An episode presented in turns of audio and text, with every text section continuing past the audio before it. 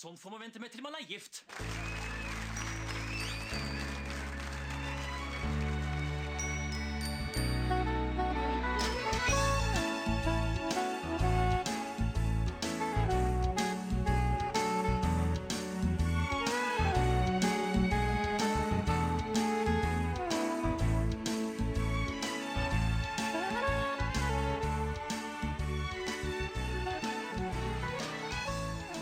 Hei, velkommen til en ny episode av Norsk film filmpodkast. Podkasten hvor vi ser norsk film med et kritisk, men kjærlig blikk. Mitt navn er Emil. Jeg sitter her som alltid med Stefan heter jeg. Og elsker du bil, Emil? Ja, Det, det hadde jeg tenkt å spørre deg om også, Stefan. Fordi personlig så har jeg ikke førerkort. Ikke jeg heller.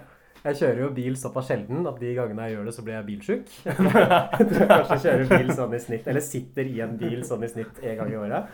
Blitt litt mer siden jeg flytta til Oslo og begynte å kjøre taxi hit og dit. faen for en snobb du er, Emil. Kjører taxi rundt hit og dit. Nei, men akkurat den der bilfascinasjonen har jeg aldri blitt helt bitt av. Altså, jeg kommer fra Hamar også, og Hamar har et visst sånn rånemiljø. Jeg husker bl.a. at de satte opp en sånn liten memorial til han Paul Walker, han Fast and the Furious-stjerna. Da han døde, så kom liksom alle gutta rusa motorene sine og burna litt utenfor uh, Shell-stasjonen i Hamar sentrum.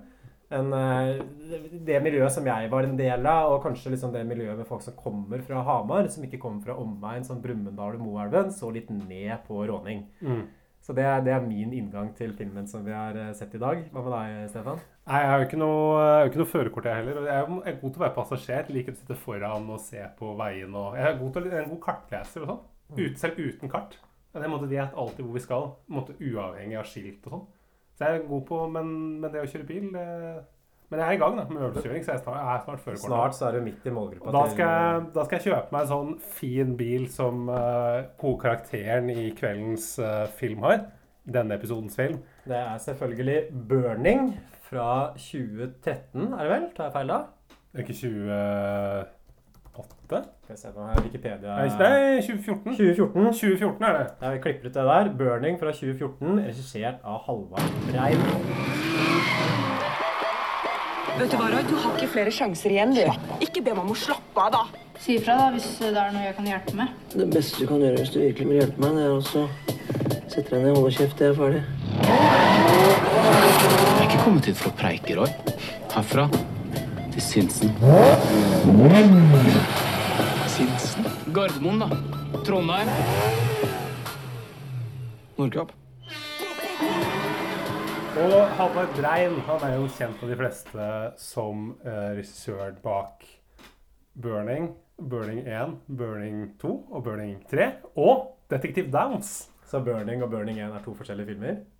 Ja, i fall, ja, det, er, det, er, det er kanskje samme film. Mm.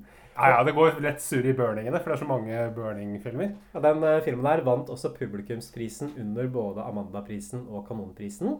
Og den vant videre Amanda for beste norske kinofilm, beste mannlige birolle. Den gikk til Henrik Mestad og beste lyddesign.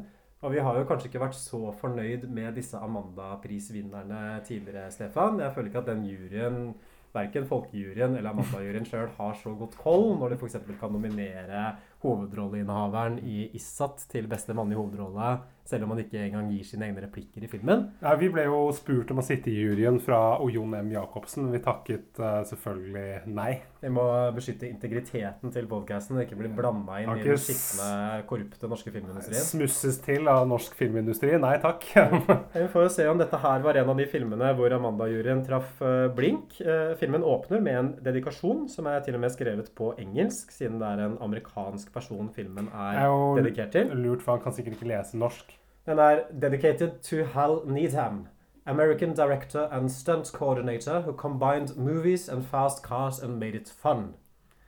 Så den rene briten eh, skulle tro det kom fra Downton Abbey. Jeg burde vel heller tatt det på en litt sånn sørstatsaksent. Det kan du gjøre neste gang, Emil. gitt Fordi miljøet til filmen. Men, men i hvert fall, det annonserer jo filmens intensjon. da, Å kombinere film og raske biler og få det til å bli moro. Ja, og den uh, filmen der, den starter jo med litt sånn kul musikk. CC Cowboys som synger eh, rå, dødsrå.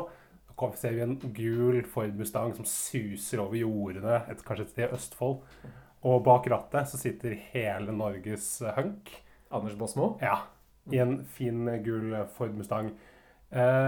I en annen bil som kjører ved siden av, så sitter Erlend Lo. Ikke Erlo. TT heter han. Hvem er, det Tom. som, er spiller TT, egentlig? Jeg vet Han er ikke. ganske ukjent. Ja, han er ukjent. Han har jeg ikke sett mye til seinere. Vi begynner å få et greit koll på norske skuespiller fra liksom 2000- og 2010-tallet også, så dette er virkelig et ubeskrevet blad. Jeg vet jo hvem, til hvem du er. Kyrre Haugen Sydnes, du som sitter og hører på. Uh, og Anders Basmo sitter i bilen sammen med ei høygravid eh, dame, og så blir jeg liksom utfordra av denne andre råneren, Tete, til et løp. At de skal liksom kjøre om kapp for en, eh, for en hundrings. Kjøre om kapp for en hundrelapp. Eh, Det blir også interessert for Steinar Sagen og Henrik Mestad, som spiller trafikkpoliti, som prøver liksom å gå etter gutta i fartskontroll. Eh, Slutten på visa er at Bosmo og dama krasjer bilen. Ganske stygg kollisjon, egentlig. Lander på taket, Ja. taket blir flatt. Mm. Og så går vannet til skreppa han har i bilen, og da er det gjort. For da kommer det ei lita jente til verden på sykehuset et eller annet sted i Østfold. Ja, det er, det er jo ganske sånn uforsvarlig å kjøre på den måten der med en høygravid dame. Ville du gjort det, Emil? Nei, jeg tenker jo kanskje at det ville blitt litt sånn spørsmål fra barnevernet også med en gang den ungen kommer ut, da. Så hva er det hva slags foreldre er det dette barnet her skal bli født til? Men du ser jo at det er liksom kanskje ikke den mest sånn stabile familien her. Liksom mye sånn, mye leopardskjørt og, og liksom den stilen der da, i de, det miljøet her. Det er ikke mest eh, politisk korrekte familien heller. For det første Anders Bosmo sier, eller Roy, da, som eh, karakteren heter når barnet kommer ut, er hun er litt gul, da. Har du hatt deg med en guling, eller? Så det varsler jo kanskje Denne filmen er fra 2014, men eh, 2014 føles lenge ut siden når man ser filmen. Ja, det er ikke, det er ikke den mest politisk korrekte filmen vi har tatt fram til nå, tror jeg. Jeg er litt på kanten. Kanskje man snakker sånn, man snakker sånn i de gjengene. Altså, det er sånn som sånn Frp også argumenterer med at eh, folk sier jo mye liksom, Det er sånn folk snakker hjemme. De snakker stygt om Mm. innvandrere og sånn. Og Roy på fødestua blir også arrestert av Mestad og Steinar Sagen for å ha råkjørt, og ryker rett inn i kasjotten. Ja, og nå eh, kommer vi litt fram i tid, for nå er det 14, eh, det? 14 år, to skilsmisser og 130 fartsbøter siden. 120 er det vel? Ja, det er, det er en viktig detalj. Den er viktig å få med. Før vi går dit, så vil jeg også dvele litt med fortitlene. For fortitlene så er det en del sånn bilder av bil, og så har de også en Glir forbi av Johnny Onkel P som spiller på soundtracket. Jeg vet ikke hva som er ditt forhold til den låta, Stefan, men jeg syns det er liksom en av de fineste norske hiphop-låtene jeg veit om. Hæ? Den syns jeg, jeg synes den er vakker. Du, Så jeg blir, jeg ble, solgt da, med en gang. du syns ikke den ble ødelagt av at du så liksom blankpussa felger og forgassere og gummidekk? Nei, jeg holdt meg for øya vet du, og bare skrudde opp volumet. Så eh, Etter disse 14 årene og to skilsmissene så Roy, jobber Roy på et bilverksted som heter Stallion Parts. Eh, Dette her er veldig sånn klassisk guttasjappe. Er Ser, veldig- ser, du hvor, ser du hvor dette er? Hvor i Eh, Norge? Ja. Nei. Dette er Tyrigrava, den der eh, liksom klassiske kroa liksom langs eh, Mosseveien i Oppegård der. Ja. Hvor alle sånn bilentusiaster samles. Okay. Og det er der det er, det er liksom mesteparten er spilt inn. Og det er jo litt gøy. Man ser jo liksom at de har motormiljø på laget her. Men har du vært der sjøl, eller? Ja, jeg sykla forbi. Hvor autentisk, kjørt moped forbi også. hvor autentisk syns du skildringen av miljøet er, sammenlignet med din erfaring? Eh, det er jo det er litt den typen. Jeg syns jo den karakteren som spilte Thomas eh, Otto Jespersen, den glir jo liksom glir jo fint inn. Ja. Glir ikke forbi, men glir fint inn. Og det Sjappa har liksom Du har eh, Otto Jespersen, ja, og så har du også Sven Nordin, som liksom henger rundt på utsida og drikker pils og røyker rullings. Det er veldig sånn rotete interiør. Mye sånn sjakkbrettmønster, som er litt sånn americana gutta-stemning-type å ha liksom i butikken sin, føler jeg. Nakne damer på veggen, det ligger vegg i vegg med denne kroen her.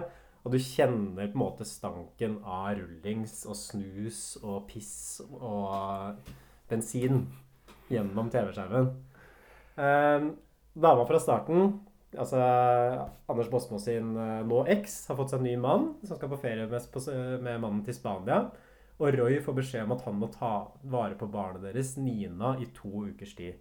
Og det er han egentlig veldig motvillig til å gjøre. Ja, Roy, eh, Roy reagerer med at nei, han skulle jo bare passe jenta over helgen. Og han blir litt sånn eh, Han begynner jo å krangle, og liksom hun dama sier at dette er siste sjanse nå. Nå må du, eh, nå må du vokse opp, Roy.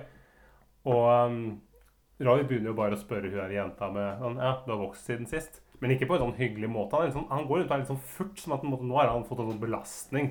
Og det er jo ikke noe hyggelig for den der 14 år gamle jenta som kommer for å se, besøke faren sin i det, liksom, harry bilverkstedet langs Mot- Mosseveien der. Nei, Jeg får kanskje ikke verdens beste inntrykk av Roy sånn helt fra starten. At han framstår også som et rotehue. For han har jo fått beskjed av eh, eksen Ingrid da, om at de skal på denne ferien. Og så sier liksom Roy at ja, du veit jo hvordan det er med meg. Du må jo si fra. Du må minne meg på det. Kan ikke forvente at jeg går rundt og husker sånt, for det er så mye rot og styr i sjappa. Han har så mye å gjøre. Han skal være med på sånn street race, og det er, liksom, det er full rulle nå. og i Stallion Part så jobber også Jenny Skavlan, som Roy tydeligvis er sammen med, eller de er litt sånn på roteren eller et eller annet sånt. Uh, Sylvia heter den karakteren. Og det som skjer er at Jenny Skavlan kommer inn, og så lar Roy bare dattera bli sittende igjen, og så går han for å rote med Jenny Skavlan. Så han er en veldig sånn typisk deadbeat dad, føler jeg. Kunne ikke brydd seg mindre om eh, barnet sitt. Og da aner man jo kanskje konturene av handlingen allerede her. For det som på en måte blir filmens hovedhistorie, handler om forholdet mellom Roy og datteren. At de skal prøve å komme nærmere på hverandre, og at Roy kanskje skal vokse litt opp og ta ansvar for dattera si. Ja, og øh, Det er jo et plott man har sett før dette her. Ja, og det, det eneste er liksom disse her, de kontrastene med at uh, i, en, i en mer klisjéfilm så ville ikke, ville ikke dette her vært en gutt. Men det ville vært, datt, det ville vært sønnen Det ville vært sønnen til Roy som hadde kommet på besøk og skulle bo hos han. Ikke en jente. Skjønner, Ser du det? Ja, kanskje. Ja, ja. Men det er jo et eller annet Jeg vet ikke. Jeg, jeg, jeg syns jo på en måte karakterene er veldig grunt skildra, og oppsettet på filmen er også veldig litt forhasta, syns jeg. At man får kanskje ikke nok sånn karakterdetaljer helt til å begynne med til at filmens narrative nerve holder helt ut, for min del. At uh, karakterene er veldig tynt skissert, da. Eh, men det kan vi kanskje ta litt mer etter hvert. At i hvert fall det neste som skjer, da, at de skal på dette bilracet som heter Street Legal. Som kanskje er oppkalt etter Bob Dylans beste studioalbum, Street Legal fra 1978. Hva vet jeg. Er Her er det et eh, TV-spill som heter det? Eller Street Fighter, tenker du Ja, Street Fighter, ja. Det var det. Ja, det, det, virker, det, virker som filmen er på en måte satt i en sånn alternativ virkelighet. Fordi det er liksom ekstremt proft, da, det der bilracet. At det er massevis av folk på tribuna. Det er masse sånne sleske rivaler. Veldig sånn gjennomført opplegg med spikeranlegg. Men dette her vet jo dette, Vi som bor i Trondheim, vet jo at dette her er jo filma på Ladesletta, samtidig med et ekte street race. Så jeg var jo i området der da de spilte. Ja, men er det sånn, for det er sånn pene damer som kjører forbi kabriolet i bikini. Jeg syns ikke det virka som en helt sånn autentisk skildring. Tror du ikke det? Tror du ikke det er eh, Jeg tror det er street race på Ladesletta der. Sånn der drag og hvor de fiser og går i store biler. Ja, det, er, det er kanskje overdrevet litt, men, men jeg syns ikke det er noe problem sånn i og for seg. fordi det kan jo være fint også med en film som etablerer et litt sånn fantasiunivers og på en måte tar tak i et eksisterende miljø. I dette tilfellet så er det jo rånermiljøet som bare skrur det til. Så jeg føler at filmen skildrer jo på en måte dette rånermiljøet, eller streetcar-miljøet, kanskje sånn som de folka som er involvert, skulle tenkt seg at det var. Ja, som de ønsker, Det er deres drøm, ikke sant? Så er det hvor sånn- alle er ganske pene og ser godt ut og liksom, god helse og sånn. Og så Ja, er det kanskje ikke virkeligheten. I hvert fall damene, da. For det mest usannsynlige er at det er så mange digge damer i starten av 20-åra som bare sikler over Sven og på små resten av liksom halvfeite, halvfeite diesel Sven Nordin er jo kjekk, da. Skal jo ikke ta det fra han. Ja, han er jo en kjekk fyr. Og det som, det som skjer her, er jo at dattera er jo med på street race eh, Og prøver liksom å være sånn kompis med Roy, for at hun er også glad i bil. Da, og gir eh, Roy en firkløversjokolade som skal ønske ham lykke til i racet. Men eh, Roy bare, han sier at han har ikke lyst på sjokolade. Han vil i hvert fall ikke ha den sjokoladen. Og spør bare dattera om hun kan ta den. Mm. Så det, det er ikke noe for Roy. Men da, da tar jo dattera hevn. da. Ødelegger fucker til et eller annet i bilen hans. Sabotere bilen, og det kunne jo potensielt vært farlig. Ja, da kunne Roy dødd. Pappa kunne dødd. Pappaen som du er så glad i, som hun vil gjøre til laks. Så lenge dere holder dere av veiene, så er jeg happy. jeg. Nei da, så nå er det opp på vidda for meg vet i en uke. Helt aleine, bare stille og rolig. Bare legge ut flua. Sitte og vente på byttet. Da kiler i magen. Meg, da. Lykke til i finalen, da. Firkløver. Det er ikke en ekte firkløver, da. Men eh, det er jo tanken som bringer lykke. Ja, så bra. Spis den, du. Ja, for jeg tåler jo nøtter. du har ikke lyst på akkurat nå, Altså. Nei, men om du har den i bil, så vinner du garantert. Gratulerer. Hjertelig. Speedmonstre. Hallo, jenter. Jeg hadde tak på deg, men du kommer kjapt. Ja, jeg kommer i hvert fall. Vi møter også han eh, TT igjen. At Roy taper dette her løpet, da, ikke sant, selvfølgelig, som er veldig forsmedelig for ham pga. at datteren har ødelagt motoren hans. Og så kommer han TT og har en slags sånn varemerke om å, om å burne. Og for de som ikke er så gode på sånn billingo, så kan jeg si det at det Børne, Emil. Hva er det for noe? Skal jeg forklare det nå? Altså, burne det er på en måte at man spinner rundt og rundt med bilen på bakken. Og så etterlater seg man sånne svarte bildekkmerker på asfalten. Man kan jo frekke fort brenne i stykker et par dekk på den måten der, så det går jo fort noen tusenlapper på å burne liksom et lite åttetall rundt på asfalten der. Altså, det er det er- dyre greier. det er- Dyr hobby. Det er en scene som jeg syns for så vidt er ganske godt filma, hvor Roy står liksom i midten, og så driver han Tete og burner og burner i sirkel rundt, og så ser man bare den bilen liksom spiralisere, nesten som en slags sånn ballettdanse på isen. Og Tete utfordrer Roy til et løp. Foran andre Zaid Ali. La du merke til han i publikum? Zaid? Ali er med, og det er han, han fra Kims-reklamen òg. Han derre lille, han eh, blonde som ligner litt på Anders Bosmo Christiansen. Som ligner på han med en krysning av Harald Eier Nei, og Har hva faen heter han, han i United? Håvard Lilleheie. Håvard Lilleheie. Som ligner på en krysning mellom dem. Han er også med. Men Zaid Ali har ikke noen replikker, så det er liksom interessant at han er til stede som en statist. Jeg vet ikke om han var liksom han inne på en- produsenten eller prosentsida eller var med på manuset. Han har én funksjon i filmen. og Der kommer vi til en sånn annen eh, Litt sånn politisk ukorrekt uh, vits. Men den kan, vi, den kan vi spare etter hvert. Det kan være sånn cliffhanger for dere som sitter og hører på nå. Så kan dere sitte og vente. Hva sier Du kan, kan gjette, bare å sende inn SMS. Hva sier den trønderske politilensmannen til Zaid Ali når han blir arrestert? Dere kan gjette. Så får dere om, omtrent 20 minutter Ja. når vi kommer dit. Husk å si det, for jeg, jeg tror ikke jeg la merke til det. Hæ, la du ikke merke til det? Nei, Du satt vel og leste noen mails eller gjorde andre viktige ting, du? Det er, du så mul- på. det er mulig at oppmerksomheten min var litt avspredt da jeg så Burning. Jeg må innrømme det. Men uh, det som skjer, er i hvert fall, fordi historien er ikke noe vanskelig å følge. Og TT utfordrer Roy til et løp og vil kjøre om Kapp helt opp til Nordkapp. Og Dattera til Roy vil være med som kartleser, men Roy avviser henne kontant. Og vil heller kjøre aleine enn å ha med seg datteren. Han spør om dattera er full. Eh, Det er en sånn eh, gjennomgang, sånn catchphrase for Roy. Han spør om folk er fulle. Det er liksom det han har i kjeften. Um, og um, her så blir vi jo liksom, vi blir jo introdusert for flere karakterer. Og det er jo to av dem. Det er jo Sven Nordin, som jeg ikke vet, jeg vet ikke hva han heter.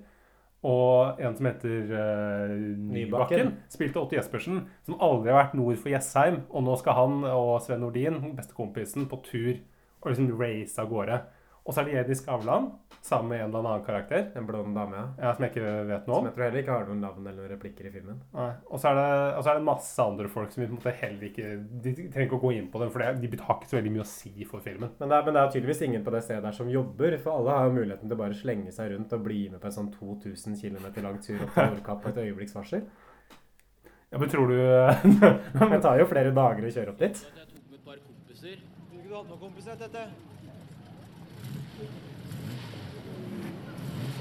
Jaså, du ble hyra inn som sjåfør, ja? Altså, Jeg trodde det bare var noen få biler, ja, men her er det jo en hel skokk med gærninger. Altså, Dette er jo fullstendig galskap. Du trekker deg ikke nå, Doffen. Det gjør du bare ikke, altså. Tenk litt på meg oppi dette. Hæ? Jeg har aldri vært nord for Jessheim. Jeg har alltid drømt om å se Norge. Jeg har brukt hele livet på å bygge opp denne bilen, og nå kan vi endelig vise hva den er god for. Og dette kan bli siste muligheten for min del. Hva er siste muligheten? Hva mener du med det? Ja, jeg, jeg føler meg ikke helt bra. Jeg, jeg er sjuk. Jeg har fått noe som heter Skreiners syndrom. Som angriper huet eter opp hjerneceller. Plutselig så er du dau. Kødder du med meg, eller? Jeg kødder vel ikke med det? Men for faen, altså. Du, du har ikke sagt noe om dette her til meg. Ikke rundt og skryter at jeg er sjuk, så lenge jeg står på beina i hvert fall.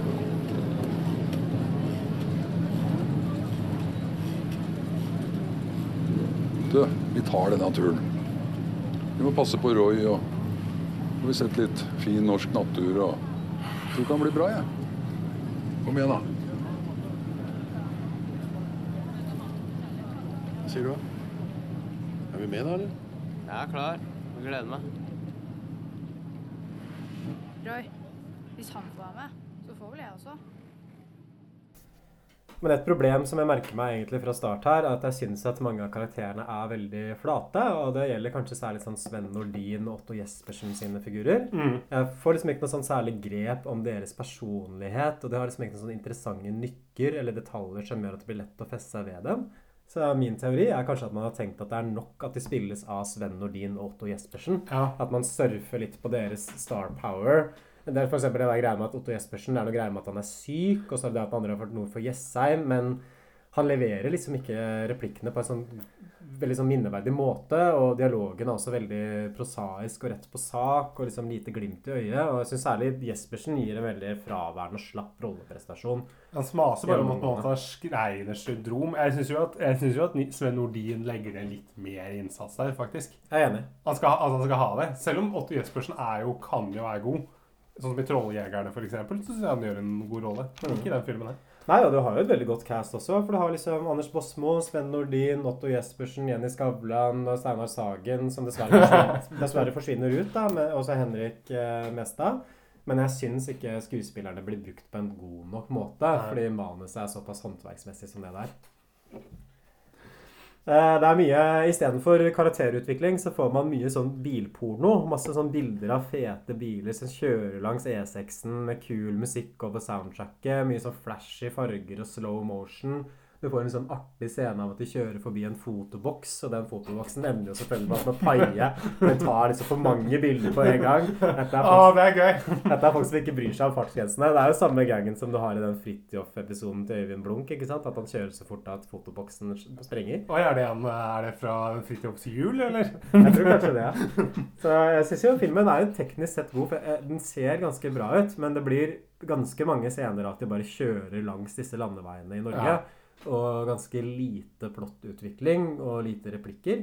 Jeg vet ikke, Hvordan, hvordan funka liksom de kjørescenene for deg? Ja, for da, da merker jeg at jeg sober jo bare ut, for jeg syns ikke det er så spennende. Dette er jo liksom et av liksom, de kjedeligste landskapene vi har i Norge. Sånn liksom oppover eh, sånn, sånn nord for Trondheim og sånn. Det er ikke så spennende.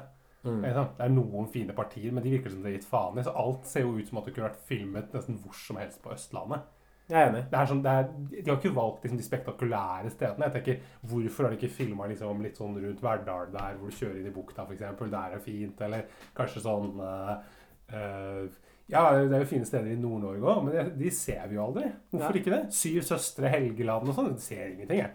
Jeg syns i hvert fall hvis premisset liksom er at de skal kjøre fra ganske langt sør i Norge til Nordkapp, så kunne det vært mye bedre på å fange liksom stedspesifikke øyeblikk og liksom kjøre forbi noen sånn kjente steder i Norge, ja, Ringebu stavkirke, eller sånn derre liksom, altså, Gjennom Steinkjer sentrum, eller noe.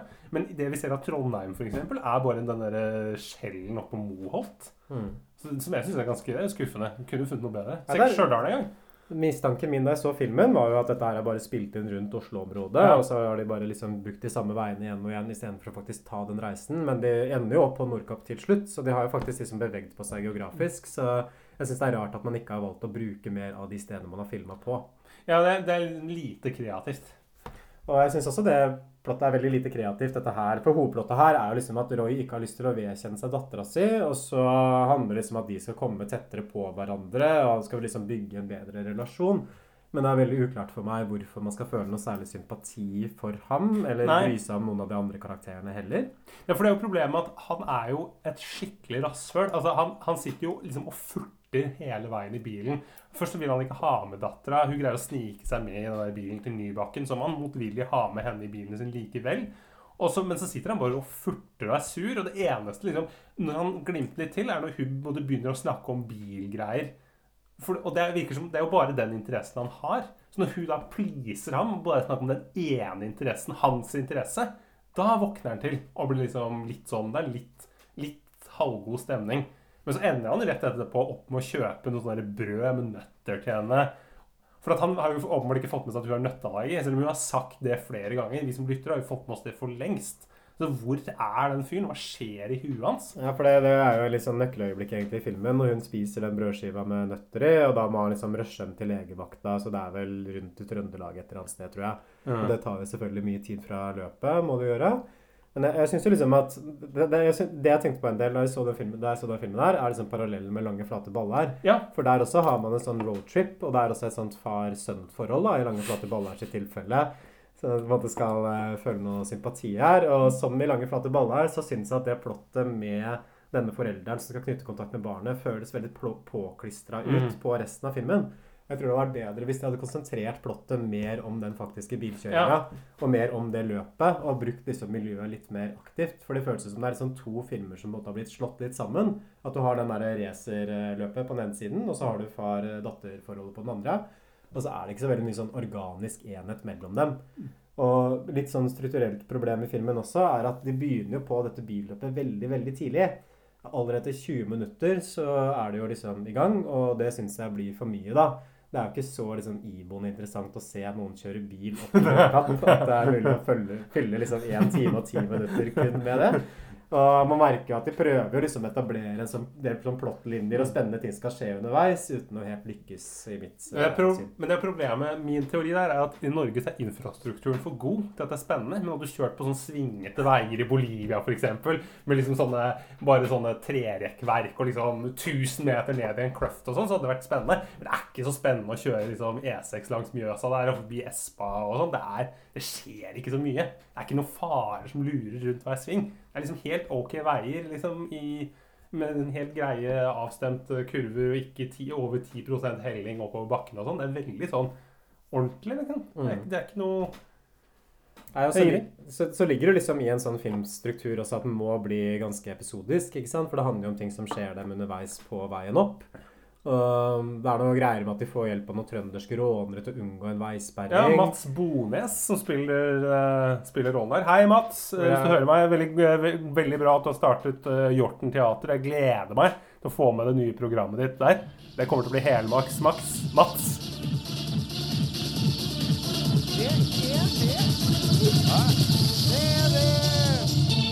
Sjukeste jeg har Du Så ikke helt frisk ut, den der heller, men.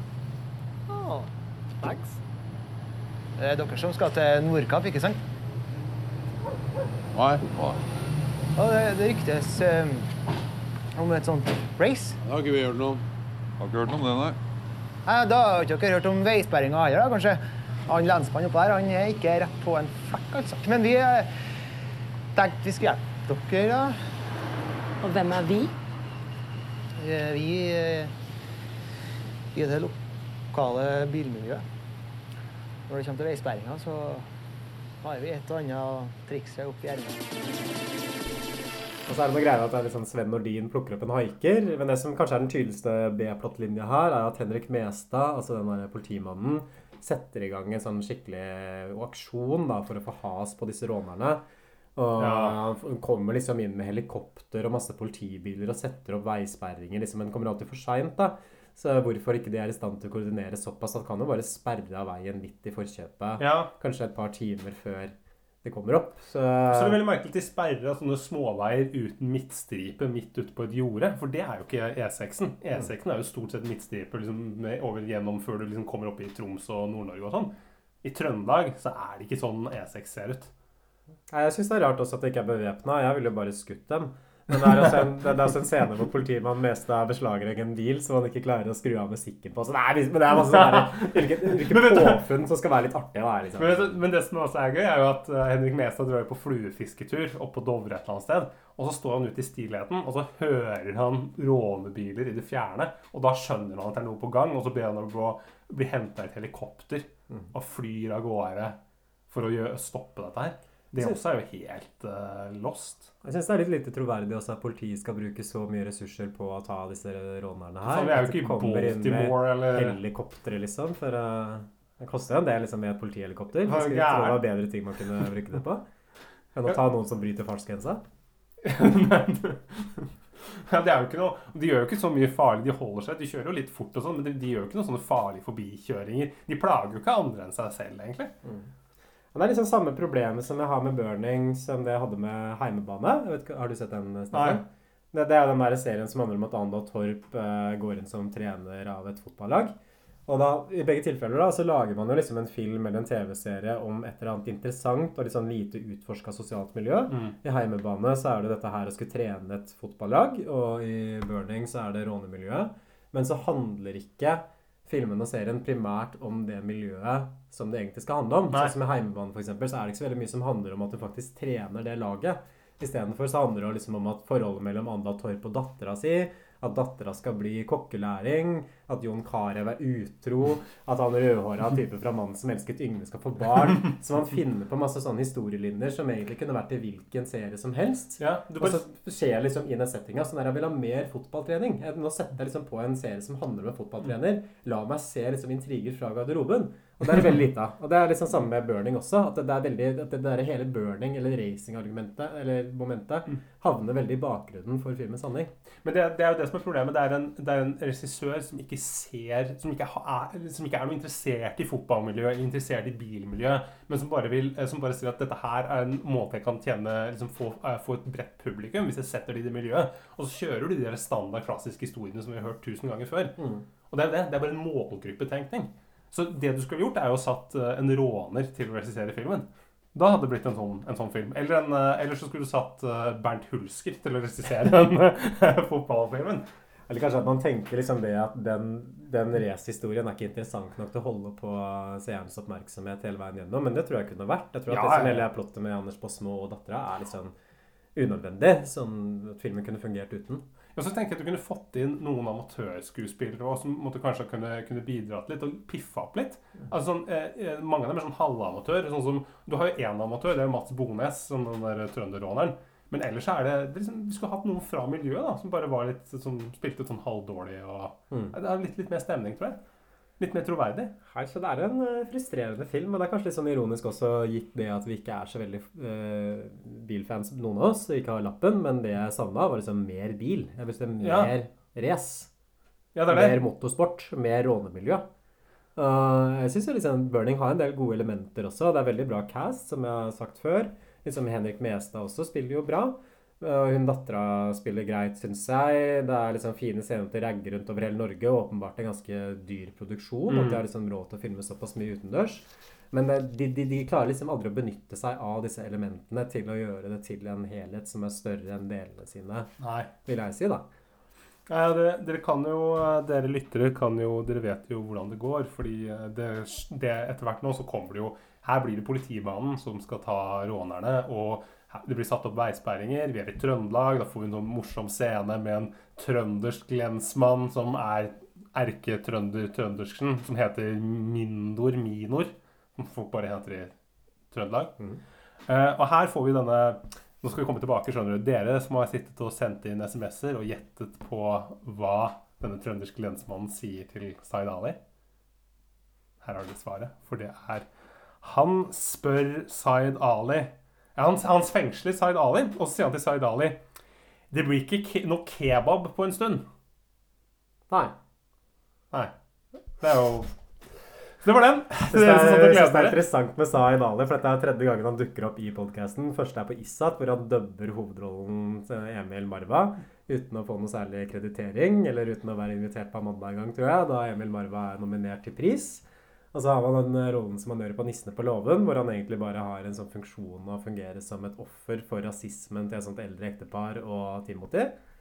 Og nå er han her. liksom At han er en sånn glorifisert cameo som bare skal være en sånn punchline i en litt sånn rasistisk spøk. Ja, for det. Og han, han, er alltid, han er alltid stille. Han sier aldri noen ting. Så han har jo åpenbart eh, liksom, noen problemer. Han er ikke noen talefør type, da, Zaid Ali. Men eh, er det så vanskelig å være fremmedkulturell komiker i Norge at han må på en måte nedverdige seg til å ta disse rollene her, tror du? Det kan ikke være noe Mm. givende for ham.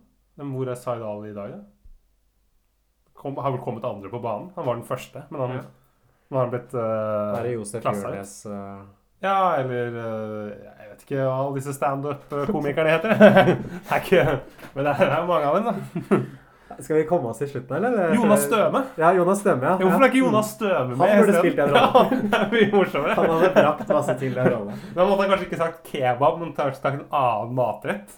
Og så får vi liksom, liksom dramatikk i innspurten her, da, ikke sant? At Boss må ta en sånn helvete snarvei rett over fjellet for å komme opp i tet Ja, med. Tete og Sven Nordin. Det var kult. Ja, det er en del kule sånn bilstunt, så det var kanskje det jeg likte best Har filmen. har du lagt merke til noe rart etter at han har feset liksom over halve Finnmarksvidda, liksom over jord og tuer og allting? Kommer han ut på veien, er jo bilen like reell og hel. Det er jo litt sånn som James Bond, når han på en måte klatrer opp store fjell, og så er han fortsatt like ren dress. Ja, men jeg syns ikke det gir mening heller, fordi Bosma må jo ligge flere timer bak fordi han måtte være med dattera Ja, på sykehuset. og det må ha du våkna. tatt dritlang tid, liksom. Måtte kjøre innom der, og så sitte og vente, og så kjøre ut igjen. Han er en dritgod sjåfør, da. Ja, men hva er det de andre folka driver med, liksom, på den tiden med en sånn Det er bare å holde inn gasspedalen, er det ikke? Bare kjøre fise av gårde. Styre rattet? Det Det er, det er ikke så, veldig mye jobb. Er- kan jo grense hvor fort du kan kjøre der uansett. vi har ikke lappen noen av oss. Det er vel sånn bil fungerer, er det ikke det? Bare gasse og styre. Jeg er ganske god i bilspill, faktisk. Faktisk. Så det, det er jo en Det er sånn som man gjør på Mario Kart, å bare holde inne. Eller er litt sånn som når du skal vinne Tekken, så er det sånn slåsspill. Så er det bare å trykke på alle knappene, så vinner du. Og Sven Nordin også har jo brukt tid på liksom å plukke opp han haikeren etter hvert. Og det, det ødelegger litt for engasjementet midt i handlinga, for det er ganske uklart hvor mye som faktisk står på spill da, i dette racet her. Og det som blir liksom patosøyeblikket da, på slutten av filmen, er at karakteren til Otto Jespersen dør.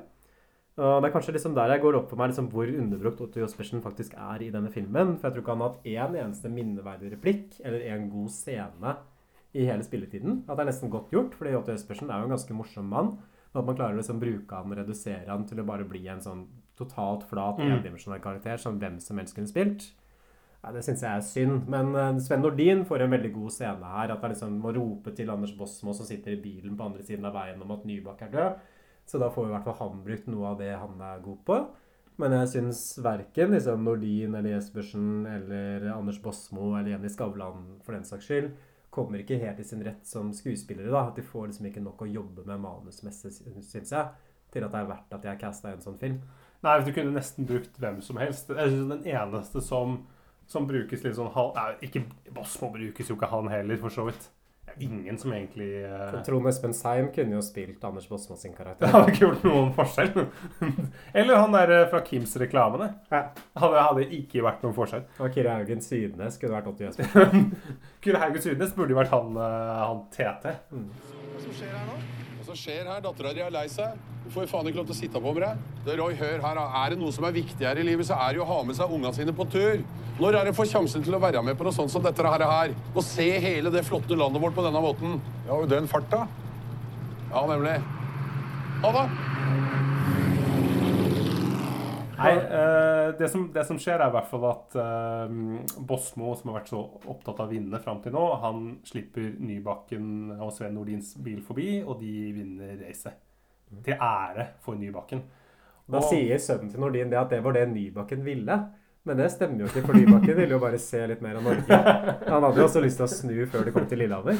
Det er Ja. ikke riktig det at det var hans liksom, store drøm å vinne dette bilracet? Nei, jeg tenker han hadde jo altså, hadde han, jo, han hadde jo sikkert tatt det racet før Altså Han satt jo bare Nybakken? Ja, Nybakken. Hvis han hadde vært så opptatt av å vinne. Han, Mm. kan, han hadde jo kjørt masse bil. Han kunne sikkert vært med på tilsvarende race. Men han hadde måttet trivdes, trivdes på Østlandet, liksom på Kolbotn der. Altså, det ble en hul seier på mange måter. Ja, eh, man prøver jo å lage noe Lage liksom litt sånn eh, eh, emosjonelt øyeblikk, men man får det ikke helt til. Det som skjer til slutt, er jo at bilen med Nybakken kjører utfor stupet på ved Nordkapp der. Eh, det fikser jo også Sven Nordin, liksom til ære for Nybakken. Ja, At han skal liksom få en ordentlig god finish, liksom. Bare gasse rett av skrenten og ned i havet. Og gjett hvem som våkner til live nesten nedi vannet der. Det er jo Nybakken. Men da er det for seint. Mm. Det syns jeg faktisk var ganske morsomt. at han ikke var død. Men, du, for at, men Sven Nordin tar jo på Nybakken hele tiden. Og det jeg har lært fra Inspector Morse og alle sånne krimserier, er jo at folk er jo kalde. Lik er jo kalde. Så hvis uh, Nybakken er død, så burde jo Sven, og har vært død såpass lenge, så burde jo Sven Nordin kjenne det. Så hvis Nybakken er glovarm, så burde jo Sven Nordin skjønne at Nybakken lever nok. Vi burde få han til sykehus. Han burde jo målt temperaturen hans, kanskje. Ta sånn Kjem- febermåler oppi ræva på han og Men sånn Inspector Morse kjenner det på folk. Ja, men blir folk kalde med en gang etter de har eh, dødd, da? Jeg tror ikke det. Det tar kanskje litt tid. Er kan sånn- få varme og gå ut av kroppen. Det er sånn Jo Nesbø og sånn. Nei, Jeg syns det, det, det synes jeg er en sånn kul greie med filmen, for det er veldig mørkt. For det betyr jo da at Sven Nordin egentlig avslutter filmen med å drepe bestevennen sin. Ja, det er jo Men de går for det for latteren sin skyld, føler jeg. Og for at det liksom er en liten gag bare som prikk over i på filmen. Men jeg, jeg syns den gagen er bra. Og så er det, det er én ting til jeg setter pris på, som faktisk er litt morsomt. Det er hvor de kjører gjennom Gudbrandsdalen, og så, eh, så får han eh, Roy SMS fra TT om skru på P1 på nattønsket'. Mm. Og så har da TT ringt inn en låt, et ønske liksom til Roy. Og det er da Skumværsvalsen med Erik Bye. Calling da at eh, bilen til eh, Roy er som en båt, for som den en går så sakte. ja. Mm. Den syns jeg var litt sånn Jeg synes det jeg var- også er morsom, ja. Ja, fiffig. mer sånt. Ja, mer sånn. Mer, mer humor og gags eh, som er litt høyere nivå. Nordkapp før deg. Check. Kløne. Slo iallfall svensken, da. Dere, Nybakken han eh, leverte inn tøfla sine et par hundre meter på mål her. Men jeg har så lyst til å si et par ord til før purken kommer. Eh, For meg så har han alltid vært en utrolig god venn.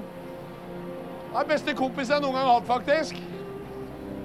Og for Jimmy så har han alltid vært som ei god stemor opp gjennom hele oppveksten. Er riktig det, Jimmy? Det er sant. Så du blei faen meg den eh, bestemora Jimmy aldri fikk til ny bakett. Jeg husker at da Jimmy var baby, så jeg leverte den på verkstedet hans hver jævla dag. Og der satt du fastspent i en sånn barnesete som Nybakken hadde fått spikra på veggen. Sikla, gulpa og grein mens du så på Nybakken som mekka bil. Jeg tror det første ordet du lærte deg, var faen meg toppakning. Men som en ekte viking så fortjener han en verdig avskjed i denne bilen som han var så stolt av. Det er det minste vi kan gjøre for Nybakken. Og det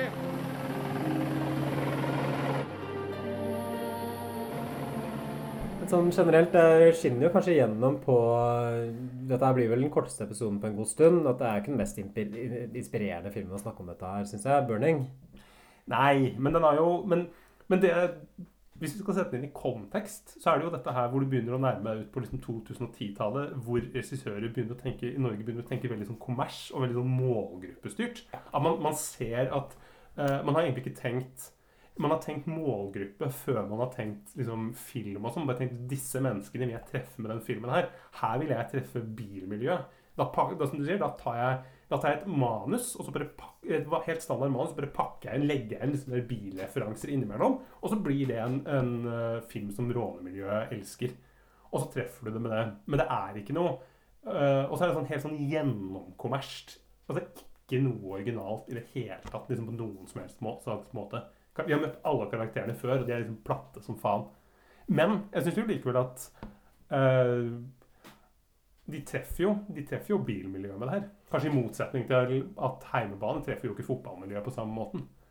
Nei, den gjorde det jo åpenbart bra nok til å vinne publikums filmpris på både Kanonprisen og Amandaprisen. Men jeg, jeg tror det er liksom helt riktig og ganske sånn interessant det du sier der om at det er en målgruppefilm. Og det er kanskje litt sånn ny utvikling i norsk film som starter rundt sånn 2010-tallet. Mm. Ved slutten av 2000-tallet. For jeg føler liksom etter den her, når jeg snakka liksom i langtekkelig, at det skjer en sånn endring liksom rundt år 2000 i norsk film. At man blir mer amerikanisert, man blir sånn publikumsfrieri. Men det jeg føler gjerne er prosjektet deres da, er å lage filmer som alle vil se. Ikke sant? Man lager sånn brede folkefilmer, sånn som Buddy og Max Manus og Kvinne mitt liv. Så man tenker at ok, dette skal på en måte bli en sånn ny Flåklypa Grand Prix med liksom én million billetter eh, solgte. Mens Burning, og til en viss grad også sånne filmer som Pornopung, ikke sant? Ja. er litt mer sånn der målgruppe. At det bare handler om et eller annet sånn miljø. Lange, flate baller også er en sånn type film som veit at man måte gjør seg upopulær. At det er mange som ikke har lyst til å gå og se en film som heter Lange, flate baller, og som handler om harry fotballsupporter fra Fredrikstad. Men man lager film for det segmentet. Og det er jo, eh, og det, jeg, Min teori her er jo at dette her er jo Det er jo fordi at du begynner å få disse algoritmene til Facebook og, og på YouTube og sånn, hvor, du, hvor man begynner å bli veldig sånn Man ser det at uh, sånn spissa innhold, sånn målgruppebasert innhold En YouTube-kanal som da treffer et lite segment, f.eks. da folk som, uh, som elsker liksom rollespill den, den treffer bedre enn noen som liksom favner bredere. bredere. Liksom, jo smalere, jo bedre du må være spissa for å treffe noen. Og da, da, da vekker det følelser, og da, da går folk og Da betaler folk eh, 150 kroner for å se det på kino. Ja, så tenker man kanskje også sånn her mer sånn målgrupperetta. Sånn der, ok, hva slags skuespillere er det folk liker? Ja. Anders Bosmo, han er et navn, ikke sant? Så han får vi med. Så får vi også med Otto Jespersen, ikke sant? Mm. For han er en sånn komilegende. Han er populær. Sven Nordin liker folk. Og så har vi Jenny Skavlan, fordi hun er liksom digg, og liksom eh, folk husker henne fra de Grandiosa-reklamene osv. Og det man ikke bryr seg så veldig mye med, er liksom det å lage en god story og et originalt manus. Eller gode karakterutviklinger. For man satser liksom på at kombinasjonen av Du har setting, du har skuespillere, du har liksom kjendisfaktor, og du har også en sånn glossy stil som gjør det liksom at filmen tilfredsstiller på et helt sånn overfladisk Ja. Og så bare hopper man bukk over kanskje det som var fokuset mer i norsk film på 70-, 80- og 90-tallet.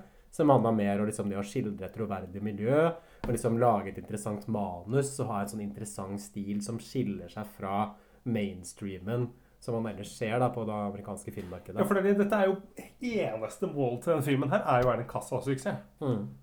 Og det Og det virker som en, en film hvor, hvor på en måte produsenten er en viktigere aktør enn regissøren. Mm. ikke sant? At det er mer produsenten som liksom Jeg kan se for meg at de sitter og pitcher liksom den filmen her til potensielle investorer. Ja. Ok, nå har vi fått Åsto Jespersen med på laget. Vi har Sven Nordin. Han uh, er vi i samtale med nå. Han er nesten liksom signert kontrakten. Å, fra! Ja. Ja, man, man, man snakker bare om filmen i sånn rein sånn markedsføringstermer. Og vi Mm. tror at vi kan treffe dette publikummet og dette publikummet og dette publikummet. Vi får det gjort med dette budsjettet her, og det kommer til å selge for så og så så mye. ikke sant? Mm. Så det er et veldig sjelløst kommersielt produkt. Og det syns jeg Det vil kanskje liksom være litt uenig med deg, Stefan, også, fordi du sier at ja, de rånepublikummet er sikkert fornøyd. Men jeg tenker at rånepublikum i Norge hadde fortjent litt bedre enn det de tross alt får. da, ikke sant? Hvis de først skal få en film, så burde de ha et eller annet som det er litt mer sjel og litt mer omtanke i enn dette her. Men det må jo åpenbart ha gått bra i og med at Burning 3 kom vel ut, og det har blitt en trilogi, dette her. ikke sant? Ja, og det er til og med det trønderske dansebandet Nordans har jo laget en egen låt om Burning 1. Det kom et brev, en invitasjon. Det skulle spilles en film her i bygda. Vi tok med oss biler og kvinnfolk og mat, og stilte oss i kø opp på høgda. Det var trivelig å være med og sjå. For hun Jenny Skavlan, hun var der hun òg. Hun smiler så bredt og var glad for at vi kom, for det var jo oss filmen handla om. Så det er jo Det har jo satt seg. Det må jo ha satt seg. Også, men så fikk du vel, har du vel fått oppfølgere som kanskje skildrer eh, miljøet bedre, sånn som Rånebank og sånne ting? Ja. Uten at jeg har sett det. Så bare har jeg hørt det. Det var heller ikke noe for meg. Men en ting som vi snakka en del om i de tidlige episodene, Stefan, er jo dette her Hva sier dette her om Norge, eller om det norske? Sier Burning noe om det norske? Liksom at en film som er eh, Som jeg håper vi argumenterer greit for, er såpass svakt fra et rent sånn fortellerteknisk ståsted, likevel blir såpass populær? Indikerer det et eller annet om det norske samfunnet? Men er ikke dette her eh, litt det der, norske greien med at uh, man, Det er en litt sånn forherligelse av liksom, liksom bygdekultur og sånne ting. Og det elsker man i Norge, distriktene, dette her. Og litt det derre litt, eh, Du kan jo se Roy som en slags moderne skihelt. ikke sant? Han går mot strømmen. At måte han eh, han kjører i denne her eh, liksom, bilen fra 70-tallet, liksom, mens han andre har liksom alt det gode utstyret og sånn. Og likevel han er en slags underdog. Men likevel så vinner han. Og så skal vi også sikkert sitte og tenke at han er en fin fyr og sånn, og det, det får jo ikke filmen til. Mm. Jeg tror det er riktig. altså Norge er jo et land hvor det fins veldig mange sære subkulturer. Ja. Norge Mm, er sånt ja. subkulturenes land. Og vi har liksom black metal-miljøet som et eksempel på et sånt miljø som kunne være ganske mainstream, som egentlig er veldig veldig spesielt. Og Norge har jo også den selvidentiteten som et sånt annerledes land i Europa. Vi bryr oss om sport som ingen andre bryr seg om, f.eks. langrenn. Og så skyver vi liksom mer de populære greiene. Og det er liksom eh, han eh, Hva er det han heter? Mot strømmen. Kjerringa? Kjerringa mot strømmen. Ja. Vesletrykket med fela. ikke sant? Espen Askeladd. Den type outsideren, da. ikke sant? At vi liksom dyrker ulike sånne nisjer. Og rånemiljøet er jo på godt og vondt liksom en slik nisje, da. En sterk Mm. subkultur i Norge, men som ikke har fått så veldig mye sånn anerkjennelse i mainstreamen, kanskje. Men som man føler en viss sånn godhet for. Og så tror jeg liksom, igjen, som vi var inne på i tidligere i episoden også, at den filmen her skildrer et veldig sånn glorifisering av dette rånemiljøet. Og kanskje sånn som det rånemiljøet egentlig ville ha vært.